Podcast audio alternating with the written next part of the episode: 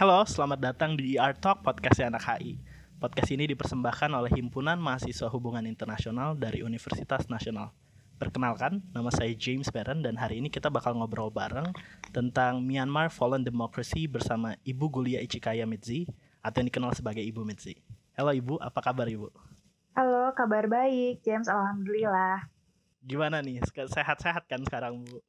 So far sehat-sehat ya. Semoga nanti sampai di waktunya divaksin tetap sehat. Great, great news. Bu, kalau boleh uh, introduce yourself, kenalin ke teman-teman ER Talk, background Ibu, terus experience Ibu saat ini dan mungkin sedikit tentang bagaimana Ibu bisa masuk nih ke ke political science, gimana Ibu bisa interested in HI. Oke, okay, uh, eh, halo teman-teman IELTS Talk sekalian. Nama saya Kamsi. Uh, saya sekarang posisinya sebagai dosen ilmu hubungan internasional di Universitas Nasional sekaligus sebagai prodi hubungan internasional. Um, tadi James nanya um, interest saya ke politik internasional. Sebenarnya sih uh, saya seperti teman-teman ya, teman-teman yang mengambil HI gitu. Kenapa uh, saya mengambil HI? Saya karena pengen jadi diplomat gitu. Itu pasti uh, mostly anak-anak HI uh, berbicara seperti itu. Tapi uh, pada uh, pada hari kemudian uh, saya mikir uh, kayaknya uh, saya kurang cocok ya untuk kerja sebagai uh, diplomat uh, dengan beberapa uh, apa namanya pengalaman atau kegiatan yang saya uh, ikuti sepertinya tidak cocok menjadi diplomat dan akhirnya saya lebih memilih untuk menjadi dosen. Alasannya sebenarnya sederhana kenapa saya memilih menjadi dosen karena uh, mungkin saya uh, cukup mencintai ilmu HI ya gitu. Saya nggak uh, pengen ketinggalan uh, apa saja yang terjadi di dunia internasional. Saya ingin terus mengupgrade ilmu uh, dan harapan lainnya adalah ilmu HI itu kan untuk di Indonesia sebenarnya pada aplikasinya ya itu kurang banyak gitu. Contoh gini, uh, uh, saya nggak tahu nih waktu zamannya James uh, pada saat masuk uh, perguruan tinggi negeri, apakah HI masih menjadi ranking yang pertama? Gitu. Itu biasa di ilmu sosial kan HI ranking pertama ya. Nah, tetapi um, pada kenyataannya ketika lulus, justru lulusan HI itu jumlahnya paling sedikit yang bekerja di bidang HI skillnya gitu. Dan sebenarnya saya lebih uh, juga mau memperkenalkan kepada masyarakat banyak ya HI itu nggak cuman bisa menjadi diplomat gitu, tapi banyak pekerjaan lain uh, dan juga keunggulannya ketika Anda belajar HI adalah Anda tahu situasi dunia internasional ini seperti apa gitu. Ibaratnya uh, apa saja yang terjadi di internasional dari negara mana, apa yang lagi happening di dunia saat ini, Anda bisa tahu lebih dulu dan bahkan Anda bisa lebih paham dibanding orang lain. Seperti itu kurang lebih. Yeah, I think it's a very basic kita kita semua mau pengen jadi diplomat. ya nggak apa-apa kalau memang akhirnya kalian jadi diplomat saya sangat senang sekali gitu. Bagus ya. Yeah. Diplomat. Gitu. Tapi everyone have their own passion ya. Jadi kayak ibu mungkin uh, suka ngajar dan jadi sekarang masuknya uh, jadi dosen dan beberapa mungkin akan jadi diplomat atau mungkin banyak lagi kayak jurnalistik dan uh, consultancy dan lain-lain mungkin Nah, by the way Bu, kan sekarang kita ngomongin tentang Myanmar nih. Uh, di kalian status itu kan bahwa pada 1 Februari yang lalu tuh militer Myanmar melakukan kudeta atau perebutan kekuasaan secara paksa terhadap pemerintahan Myanmar yang sah. Nah, pertanyaan pertama mungkin untuk dibuka nih Bu, apa sih yang terjadi di Februari kemarin? Can you elaborate kenapa terjadinya kudeta? Uh, backgroundnya seperti apa sih? Oke, um, berbicara mengenai Myanmar ya, Myanmar tuh sebenarnya untuk di negara Asia Tenggara tuh negara yang paling unik ya. Jadi gini, uh, ketika berbicara mengenai kudeta di Myanmar, sebenarnya itu bukan hal yang aneh gitu. Bahkan uh, saya untuk sejauh ini ya sampai tahun 2021 saya masih bisa bilang bahwa kudeta merupakan salah satu budaya politik di Myanmar gitu. Uh, jadi kenapa saya mengatakan hal demikian? Berdirinya negara Myanmar juga awalnya dari kudeta gitu.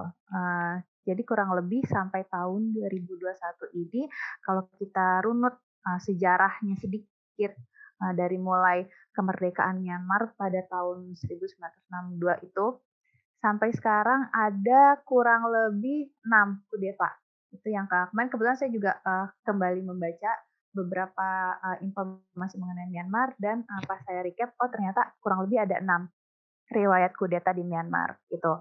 Nah, kudeta yang terjadi pada 1 Februari itu sebenarnya kurang lebih sama dengan kudeta yang terjadi tahun 2015. Tapi bedanya waktu 2015 eskalasinya tidak terlalu tinggi seperti tahun ini. Gitu. Tahun ini yang membuat eskalasinya tinggi adalah yang pertama uh, pemerintahan junta militer itu mereka masih tidak mau kekuasaannya diambil alih oleh orang sipil. Terbukti uh, Aung San Suu Kyi dia memenangi pemilu untuk yang beberapa kalinya, tapi tetap tidak mau diakuin sehingga perebutan kekuasaan uh, ada peralihan kekuasaan gitu. Nah, lalu yang kedua adalah kenapa kudeta sekarang itu terkesan uh, lebih rame dibanding uh, tahun 2015 gitu misalnya. Karena peran media sosial saat ini makin banyak. Waktu tahun 2015 uh, ya sudah ada media sosial juga ya, tapi kan orang orang-orang tuh belum terlalu banyak. Tahun 2015 kurang lebih kan orang-orang biasanya pakai Facebook atau Instagram, Twitter. Nah, sekarang udah Facebook, Instagram, uh, Twitter, ada TikTok gitu kan. Jadi rame banget nih gitu. Jadi kesannya, waduh uh, pemerintahan di Myanmar ini lagi ada apa sih kok kudetanya rame banget gitu. Padahal sebenarnya kudeta di Myanmar itu ya kurang lebih seperti itu aja gitu dari dulu. Pasti kalau ada uh, uh, sipil yang memenangi pemilu, pasti akan ada kudeta gitu. Jadi kurang lebih seperti itu sih untuk fenomena tanggal 1 Februari kemarin. Makanya sampai sekarang orang-orang ramai banget ini. Iya, mungkin untuk memberi konteks yang mendalam lagi, uh, masalah ini sebenarnya kan diawali kemarin itu ada pemilu. Nah, militer Myanmar ini menuduh bahwa pemerintahan melakukan kecurangan pemilu dan kubu militer yaitu oposisi pemerintahan sebenarnya udah membawa kasus ini ke badan pemilunya di Myanmar dan ada majelis konstitusinya juga dan setelah ada proses-proses tersebut dan ada pemeriksaan seluruh badan yang dilalui oleh militer Myanmar tidak menemukan kejanggalan yang ada yang dituduh oleh militer Myanmar. Nah, kalau untuk kita mendalam lagi di dalam konteks pemilu itu sebenarnya pemerintahan Myanmar menang secara signifikan ada di 83%. Jadi setelah ada pengumuman itu di Januari pada Februari Februari awal itu sebenarnya persis pada tanggal hari pertama parlemen Myanmar itu masuk kerja dan di situlah militer Myanmar melakukan kudeta dengan cara menangkap presiden terus uh, state council dan beberapa anggota partai pemerintahan dan oposisinya juga. Dan setelah itu pemerintah uh, sorry militer Myanmar uh, mengeluarkan uh, darurat militer sehingga sampai saat ini pun kekuasaan itu masih dipegang oleh militer Myanmar dan orang-orang tersebut yang tadi ditangkap masih uh, ditahan malah kalau nggak salah sedang melakukan uh, pengadilan tertutup ya. Nah tadi uh, it's quite interesting kalau ibu bilang uh, kudeta itu sudah menjadi suatu budaya ya. Karena emang sebenarnya sejak tahun 19-an ya emang Myanmar itu bebas dari kudeta dan konsepnya itu ada ada ada konsep transisi sih ke dalam demokrasi. Bahkan dari 19-an itu waktu masih dipegang kudeta uh, semua aspek di dalam uh, pemerintahan Myanmar itu sudah merancang lah uh, demokrasi dari sampai 2008 dengan munculnya konstitusi yang ada. Nah, sebenarnya di konstitusi Myanmar pun di dalam konstitusinya pemerintahan pemerintahan demokrasinya itu tidak memiliki authority yang sangat tinggi. Kenapa? Karena uh, mayoritas kekuasaan itu masih dipegang oleh militer uh, Myanmar. Dari contohnya seperti kuota permanen parlemen yang ada uh, nilainya kalau nggak salah 25%. Nah, hal-hal seperti itu mengakibatkan barricade-barricade yang nggak bisa menyebabkan pemerintah Myanmar untuk leluasa secara aktif uh, melakukan kinerja pekerjaan-pekerjaan mereka. Jadi kayak contohnya jabatan militer, uh, jabatan menteri dalam negeri dan pertahanan itu hanya boleh ditunjuk dan dipilih oleh militer Myanmar. Nah, mungkin Bu uh, balik lagi ya. Tadi kan Ibu bilang motifnya itu uh, salah satu kekuasaan, tapi uh, to what extent gitu uh, kekuasaan seperti apa bukannya kudeta ini itu seperti counter intuitif mengingat kalau selama ini militer-militer Myanmar itu punya privilege yang ada dari konstitusi-konstitusi yang ada. Bukannya malah mereka melakukan kudeta ini ini seperti backlash bagi mereka. Uh, gini, jadi uh, kalau saya menurut saya ya uh, untuk kasus Myanmar ini, uh, kenapa tadi saya mengatakan kudeta merupakan salah satu budaya politik di Myanmar karena gini, uh, sampai saat ini di Myanmar itu dari segi internalnya ya dari segi masyarakat itu sendiri uh, kita tidak bisa mengatakan bahwa uh, mereka adalah masyarakat yang homogen istilahnya. Uh, Myanmar itu kurang lebih dari uh, segi budaya masyarakatnya itu seperti Indonesia. Mereka terdiri dari ratusan etnis kurang lebih ya, setahu saya itu ada 135 etnis yang terdaftar Ya, jadi di Myanmar itu ada etnis yang terdaftar, ada etnis yang tidak terdaftar. Salah satunya yang tidak terdaftar yang pasti orang-orang tahu Rohingya, tapi sebenarnya ada beberapa juga yang nggak terdaftar gitu. Nah, jadi di Myanmar itu dari uh, segi uh, masyarakatnya dikarenakan masyarakatnya sangat heterogen, uh, pemerintah uh, sorry uh, junta militer atau yang biasa kita sebut Tatmadaw itu mereka merasa masih memiliki um, apa ya power untuk mengatur masyarakat-masyarakat yang uh, heterogen ini gitu.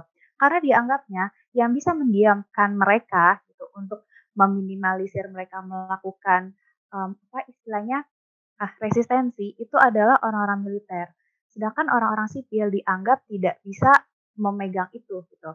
Contohnya, um, saya sempat uh, baca kemarin di beberapa media sosial gitu di news di portal berita um, itu jadi ada dua apa ya ada dua pendapat yang dianggap yang dibuat uh, statementnya oleh masyarakat Rohingya ada orang Rohingya yang menginginkan kembali ke junta militer ada yang menginginkan ya udah proses seperti ini aja demokrasi. Nah itu kenapa akhirnya terjadi uh, dua pendapat itu? Itu karena uh, masih banyaknya masyarakat menganggap bahwa pemerintahan militer ini ada pemerintahan yang terbaik dibanding pemerintah sipil gitu. Makanya tadi saya uh, bilang sejauh ini sampai tahun 2021 pemerintahan militer masih dianggap pemerintahan yang paling baik gitu. That's why siapa pun masyarakat sipil yang naik kalau tidak tanda kutip dijadikan boneka sebenarnya suci itu juga dijadikan boneka juga sebenarnya karena di belakangnya harus masih ada uh, orang-orang militer gitu kurang lebih seperti itu sih Jen. Ya, nah Bu, saya kan tadi juga uh, baca jurnal Ibu yang tentang perlawanan etis Rohingya dengan kebijakan diskriminatif pemerintahan Myanmar. Nah, tadi Ibu juga ngomongin tentang uh, suku-suku uh, yang ada di sana atau etnis yang ada di sana yang 135.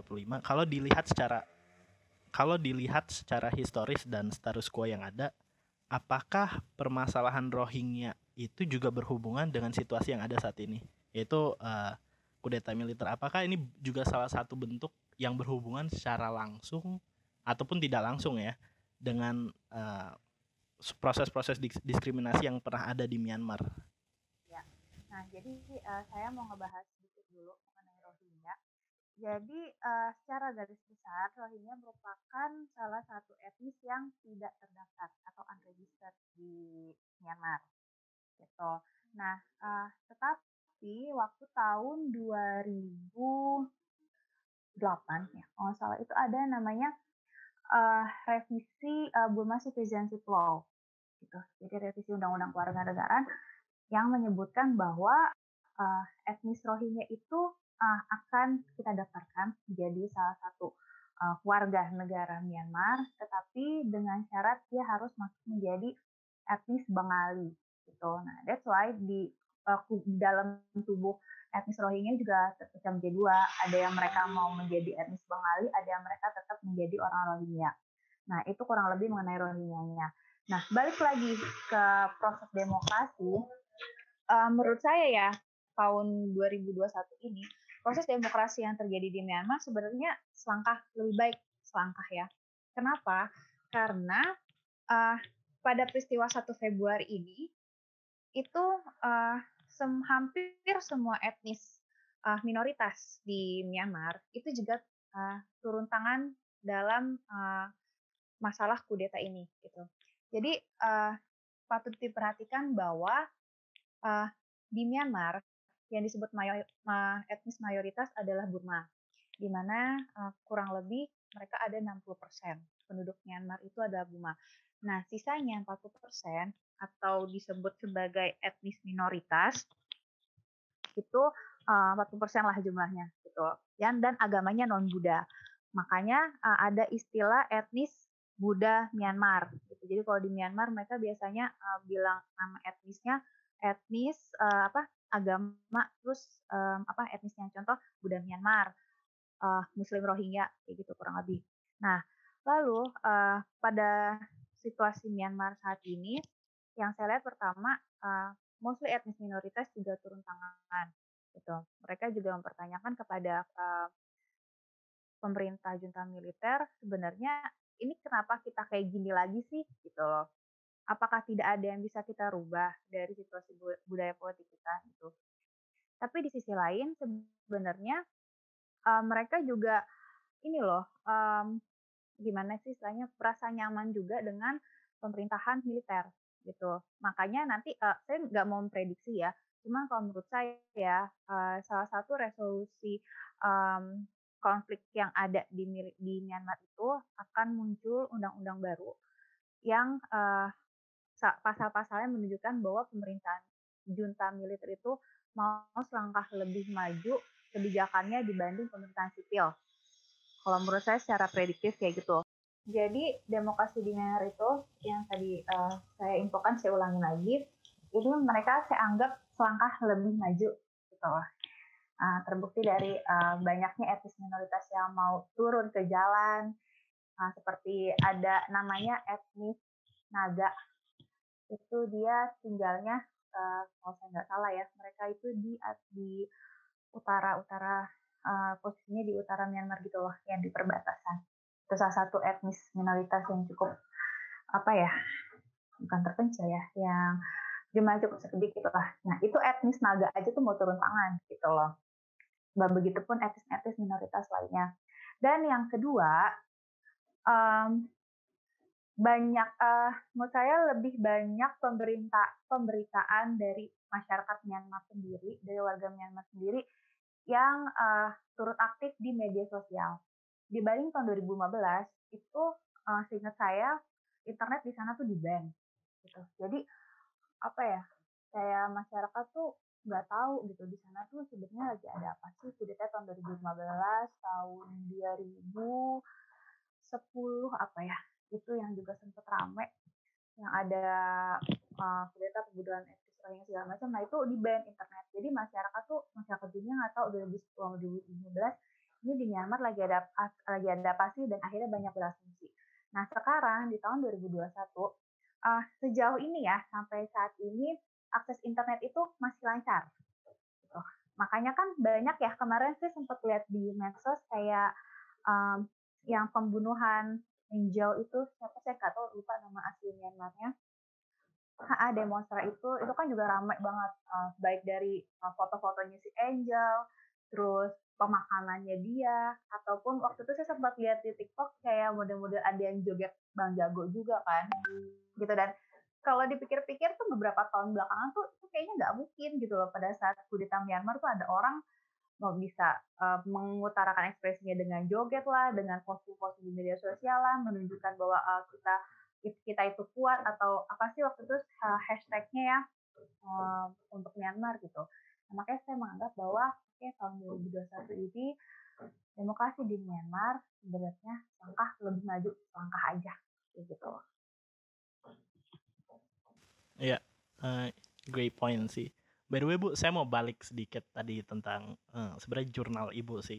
Ibu pernah mention di dalam jurnal kalau misalnya di dalam uh, masa Rohingya itu dibagi menjadi dua masa sebenarnya. Ada masa junta militer dan transisi demokrasi. Dan I think ada korelasi waktu Ibu bilang di saat junta militer itu ada konfrontasi yang bersifat kolektif walaupun pada saat itu uh, sifat kolektifnya ini hanya terjadi di kalangan-kalangan grup yang tertindas atau etnis-etnis tertindas yang minoritas. Sedangkan sekarang uh, tadi Ibu mungkin udah mention juga kalau misalnya bukan misalnya sih, tapi uh, status quo yang ada itu pemberon bukan pemberontakan tapi demonstrasi-demonstrasi yang ada itu both dilakukan oleh masyarakat Rohingya dan juga warga negaranya yang tadinya lebih pro terhadap kebijakan-kebijakan diskriminatif tersebut. Nah, apakah ini bentuk kolektif yang ibu bilang di dalam jurnal itu. Apakah uh, sifat uh, junta militer ini memunculkan kolektif-kolektif action yang kemudian diambil oleh bot dari masyarakat Rohingya, tapi juga sama masyarakat Burma di sana? Kurang lebih itu juga, itu kan jurnal kebetulan yang jurnal saya buat itu adalah sebenarnya tesis saya dulu jadi itu ada tesis saya yang akhirnya saya buat jurnal di jurnalkan dan itu terbit kalau nggak salah sekitar 7 atau 8 tahun yang lalu ya. Nah, uh, jadi memang uh, sebenarnya saya nggak mau mengcompare dengan situasi Indonesia, cuman uh, saya mau sedikit aja nih. Uh, saya nggak tahu uh, teman-teman dulu uh, angkanya Ajem dan angkatan yang lain itu waktu tahun 98 umurnya berapa gitu kan. Nah, tapi Oh belum lahir ya? Ya ampun maaf. maaf sekali. Nah tapi intinya tahun 98 itu, itu kan uh, apa ya, uh, tanda kutip kejatuhan era militer di Indonesia kan. Gitu. Yep. Walaupun sebenarnya beberapa tahun kemudian SBY naik, tapi itu kami menganggap bahwa uh, SBY itu adalah dari profesional, dia dari partai gitu. Nah, sedangkan waktu zaman Soeharto itu pada tahun 98 itu masyarakat Indonesia tuh nggak cuma mahasiswa sebenarnya yang melakukan uh, gerakan untuk menurunkan Soekarno, tapi juga um, pokoknya masyarakat kecil lainnya lah istilahnya. Nah, kurang lebih situasi Myanmar itu juga saat ini seperti itu, gitu.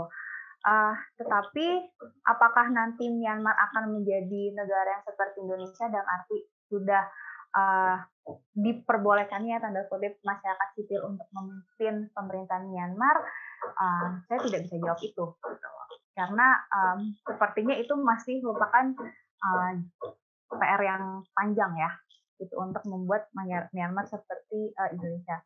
Tetapi yang menarik adalah pada kudeta tahun 2021 ini, seperti yang saya bahas tadi, uh, banyak masyarakat, terutama daerah minoritas, mereka juga mau turun tangan, mereka mau menyuarakan pendapatnya, dan juga masyarakat internasional itu dukungannya cukup masif. Gitu. Jadi saya melihat orang-orang Myanmar merasa ah, kami punya teman, gitu.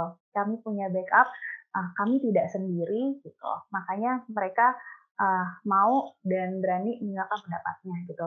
Dan oh ya sebelum saya lupa, uh, etnis Rohingya yang mau turun tangan itu etnis Rohingya yang di Myanmar ya, yang mereka memang tinggal di Myanmar, mereka uh, memiliki cukup pendidikan yang bagus gitu, sedangkan yang um, apa namanya, yang pro, yang pro uh, terhadap kudeta militer itu adalah etnis Myanmar yang posisinya di pengungsian, yang nggak di Myanmar. Misalnya entah itu mereka yang di Bangladesh atau di mana kayak gitu. Jadi ada perbedaan etis Rohingya juga gitu di sana.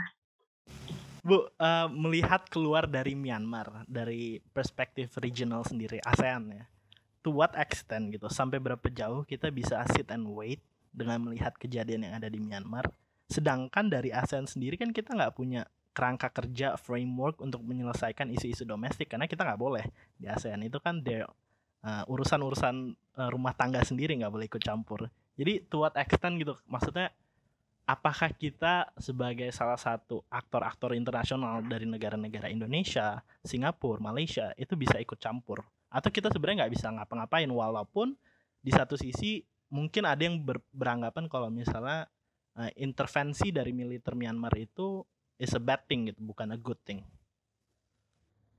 Uh, ngomongin ASEAN ya, saya jadi kayak mau cerita dikit waktu zaman saya kuliah. Waktu itu semester saya semester apa ya semester 4 atau boleh, 3 boleh. jadi waktu saya kuliah dulu jadi ceritanya saya ada kunjungan ke ASEAN saya ada kunjungan ke ASEAN dan uh, salah satu um, apa orang ASEANnya itu kalau nggak salah saya lupa ya dia orang luar sih. Saya lupa dia dari Thailand atau bahkan dari Myanmar ya. Saya lupa berarti benar-benar lupa uh, si ibu itu orang mana. Dan saya tuh dulu masih polos. Itu semester 3 semester 4 gitu menurut saya saya masih polos. Saya nanya istri sama si uh, ibu orang ASEAN itu. Saya nanya nah waktu saya kuliah itu kan uh, Myanmar juga udah emang rame gitu kan. Saya tanya uh, ini kok ASEAN diem aja dengan peristiwa-peristiwa di Myanmar gitu. Emang posisi ASEAN sebegitu netralnya kah sampai nggak bisa ngasih uh, apa sih namanya uh, resolusi atau sebagainya.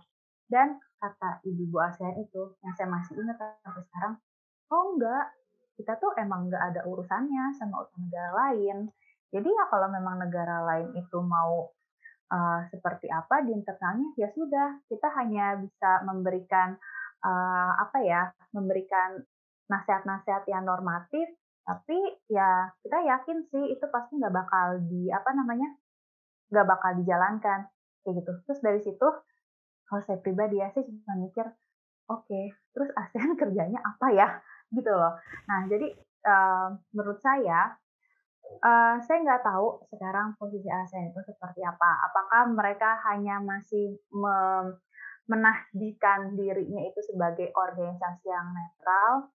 Uh, tetapi apakah mereka mau ada resolusi? Sampai sekarang kan juga belum ada tapi yang jelas kalau dari um, negara ya dari aktor negara baik dari Indonesia baik misalnya negara-negara Asia Tenggara besar tuh Indonesia, Malaysia gitu mereka mau speak up soal itu itu sangat bisa gitu. Misalnya ada pertemuan antar Menlu gitu. Um, tapi nggak di bawah ASEAN ya kan? Karena menurut saya kalau langsung gitu lebih efektif sih gitu. Karena kan ya itu tadi yang saya bilang ASEAN itu lebih posisinya netral gitu. Kalau mereka mau mengadakan kerjasama ekonomi, kerjasama security budaya, mereka paling depan. Tetapi ketika ada masalah di dalam uh, internal sebuah negara, saya pastikan ASEAN tidak bakal campur tangan gitu loh. Dan tapi menurut saya nggak cuma aktor negara kok yang bisa membantu Myanmar gitu. Aktor-aktor negara seperti misalnya James atau ada organisasi-organisasi internasional lainnya, organisasi-organisasi masyarakat juga bisa kok ikut berdiplomasi caranya seperti saya bilang tadi, uh, misalnya dari uh, media sosial gitu, dari um, apa namanya, dari diskusi-diskusi seperti ini juga sudah menunjukkan bahwa kita itu uh, mendukung mereka gitu. Mereka itu nggak sendiri. Gitu. Dari situ kan uh, saya merasa ya uh, ketika sebuah sebuah masyarakat di suatu negara mereka ada yang mendukung, ada backupannya, mereka ketika melakukan perlawanan atau mau melakukan resistensi itu mereka akan lebih uh, kuat gitu, gitu. Karena mereka merasa kita ada yang mendukung gitu. Jadi kita tidak sendiri. Iya, itu great point sih. Jadi emang kalau misalnya teman-teman masih bingung uh, peran international organization, I think kayak buku-buku yang paling bagus tuh kayak ada Cliff Archer, terus Eh, buku-buku uh, lain lah. Pokoknya yang basic yang panduan-panduan awal kayak pengantar itu juga bagus. Karena perannya uh, organisasi internasional kayak PBB, ASEAN kalau kita lihat di dalam resolusinya aja mereka hanya sifatnya recommendation kayak urge uh, each member states bla bla bla. Jadi nggak ada tuh sebenarnya kayak enforcing kecuali mungkin di Security Council yang uh, impose sanctions terus hal-hal sepertinya. Tapi di ASEAN sendiri kita nggak punya framework uh, untuk menyelesaikan isu-isu karena itu memang uh, urusan-urusan negara-negara itu sendiri dan jika mau menyelesaikan isu uh, mereka paling hanya memberikan rekomendasi terus uh, akomodasi mungkin. Nah, uh, one last questions Bu. Do you think social media bring more harms than good di masa-masa uh, krisis seperti ini? berbicara media sosial nggak cuma di masa krisis ya sebenarnya media sosial itu seperti pisau bermata dua kita bisa menggunakan itu dengan baik atau menggunakan itu di jalan yang buruk gitu. Uh, tapi kalau saya boleh bilang, dunia digital saat ini sangat mempengaruhi uh, fenomena hubungan internasional kontemporer gitu loh. Jadi uh, ibaratnya gini deh yang gampang waktu zaman saya kuliah media sosial belum banyak ya dan waktu itu kan media sosial cuma sebatas uh, oh pertemanan doang oh teman si ini si ini gitu jarang bang bahkan saya kayaknya nggak pernah deh nemu-nemu yang misalnya ada uh, postingan-postingan mengenai berita sebuah negara atau situasi yang terjadi di dunia internasional itu jarang. Tapi sekarang orang di mana pun itu bisa melihat dari sosial media itu, gitu dari um, dunia digital yang sekarang ada gitu. Jadi kalau menurut saya uh, selama uh, sosial media itu digunakan dengan baik, itu dampaknya akan sangat besar. Contohnya Arab Spring, itu fenomena sosial media yang pertama ya Arab Spring itu. Dan kita lihat impactnya cukup masif gitu. Tapi buruknya kalau dari segi internasional ya, um, apa ya, kadang masyarakat itu terlalu uh, terbawa ini loh, euforia gitu. Contoh, uh, Anda masih ingat nggak waktu kasus Black Lives Matter tahun dua, dua tahun lalu dua ya? tahun lalu ya. Ya. Nah, jadi kan uh, waktu itu wah orang kulit hitam dibunuh sama polisi kulit putih tapi kalau kita mau berpikir bijak, oke, okay, yang dilakukan polisi itu salah. Tapi kalau saya pribadi ya, saya lebih melihatnya adalah, oh oke, okay, kenapa polisi itu melakukan hal seperti itu, gitu loh. Oke, dia kriminal, tapi dia harus tetap di apa ya, diakuin haknya sebagai uh, manusia, gitu. Tapi kan sekarang fenomena yang ada, orang-orang malah ngeliatnya, oh itu pasti uh, orang-orang hitam, orang-orang kulit putih segala macam gitu loh jadi ada tendensius judgmental gitu loh itu minusnya sosial media tuh kan gitu kayak uh, kemarin juga lagi kayak sekarang juga lagi happening tuh uh, hashtag Asian Lives Matter gara-gara covid gitu yang orang-orang Asia di apa yang elderly ya entah itu dibunuh entah itu dibully gitu nah itu juga menurut saya tuh uh, kelemahan dari sosial media gitu terkait dengan situasi dunia internasional ya jadi uh, kadang euforianya terlalu tinggi kita jadi tidak bisa memilah mana yang memang itu ceritanya, mana yang cuma asumsi atau opini orang. Tapi sisi baiknya yaitu fenomena yang pertama kali um, apa namanya mengukuhkan uh, sosial media merupakan salah satu eh, memiliki peran penting di dunia internasional adalah fenomena Arab. Oke, okay. I think itu itu udah semua sih pertanyaan-pertanyaan saya. Mungkin uh, ibu ada ada mau tambahan nggak nih kata-kata penutup mungkin soalnya kan kita tadi udah bahas very large scope lah kita udah bahas uh, demokrasi di Myanmar uh, secara secara development politikalnya di sana bagaimana terus secara konstruktivis uh, identitas-identitas yang ada di sana terus secara kritikal juga kita udah bahas. Mungkin ibu ada kata-kata penutup nih buat teman-teman? Um, kata-kata penutupnya singkat aja sih. Selalu ikutin dan pahami fenomena apa yang terjadi di dunia internasional saat ini gitu. Terutama kita dari negara berkembang jangan sampai kita menjadi semakin berkembang bukannya maju gitu loh nah itu penting sih karena selama ini orang-orang hanya melihat dunia internasional itu oh apa ya aktornya cuma negara enggak state actor saat ini sangat berpengaruh penting gitu itu aja sih Yep. Oke okay, guys, uh, terima kasih juga buat Ibu Medzi nih yang udah menyempatkan waktunya. Jen, terima kasih. Ya, yeah, thank you. Jangan lupa guys untuk follow social medianya Himahi dan juga Ibu Medzi di Instagram di @midzipranoto dan juga Himahi di @himahiunas. Sampai di sini dulu podcast kita. Sampai jumpa di episode selanjutnya. Ya, terima kasih, James. Sehat selalu.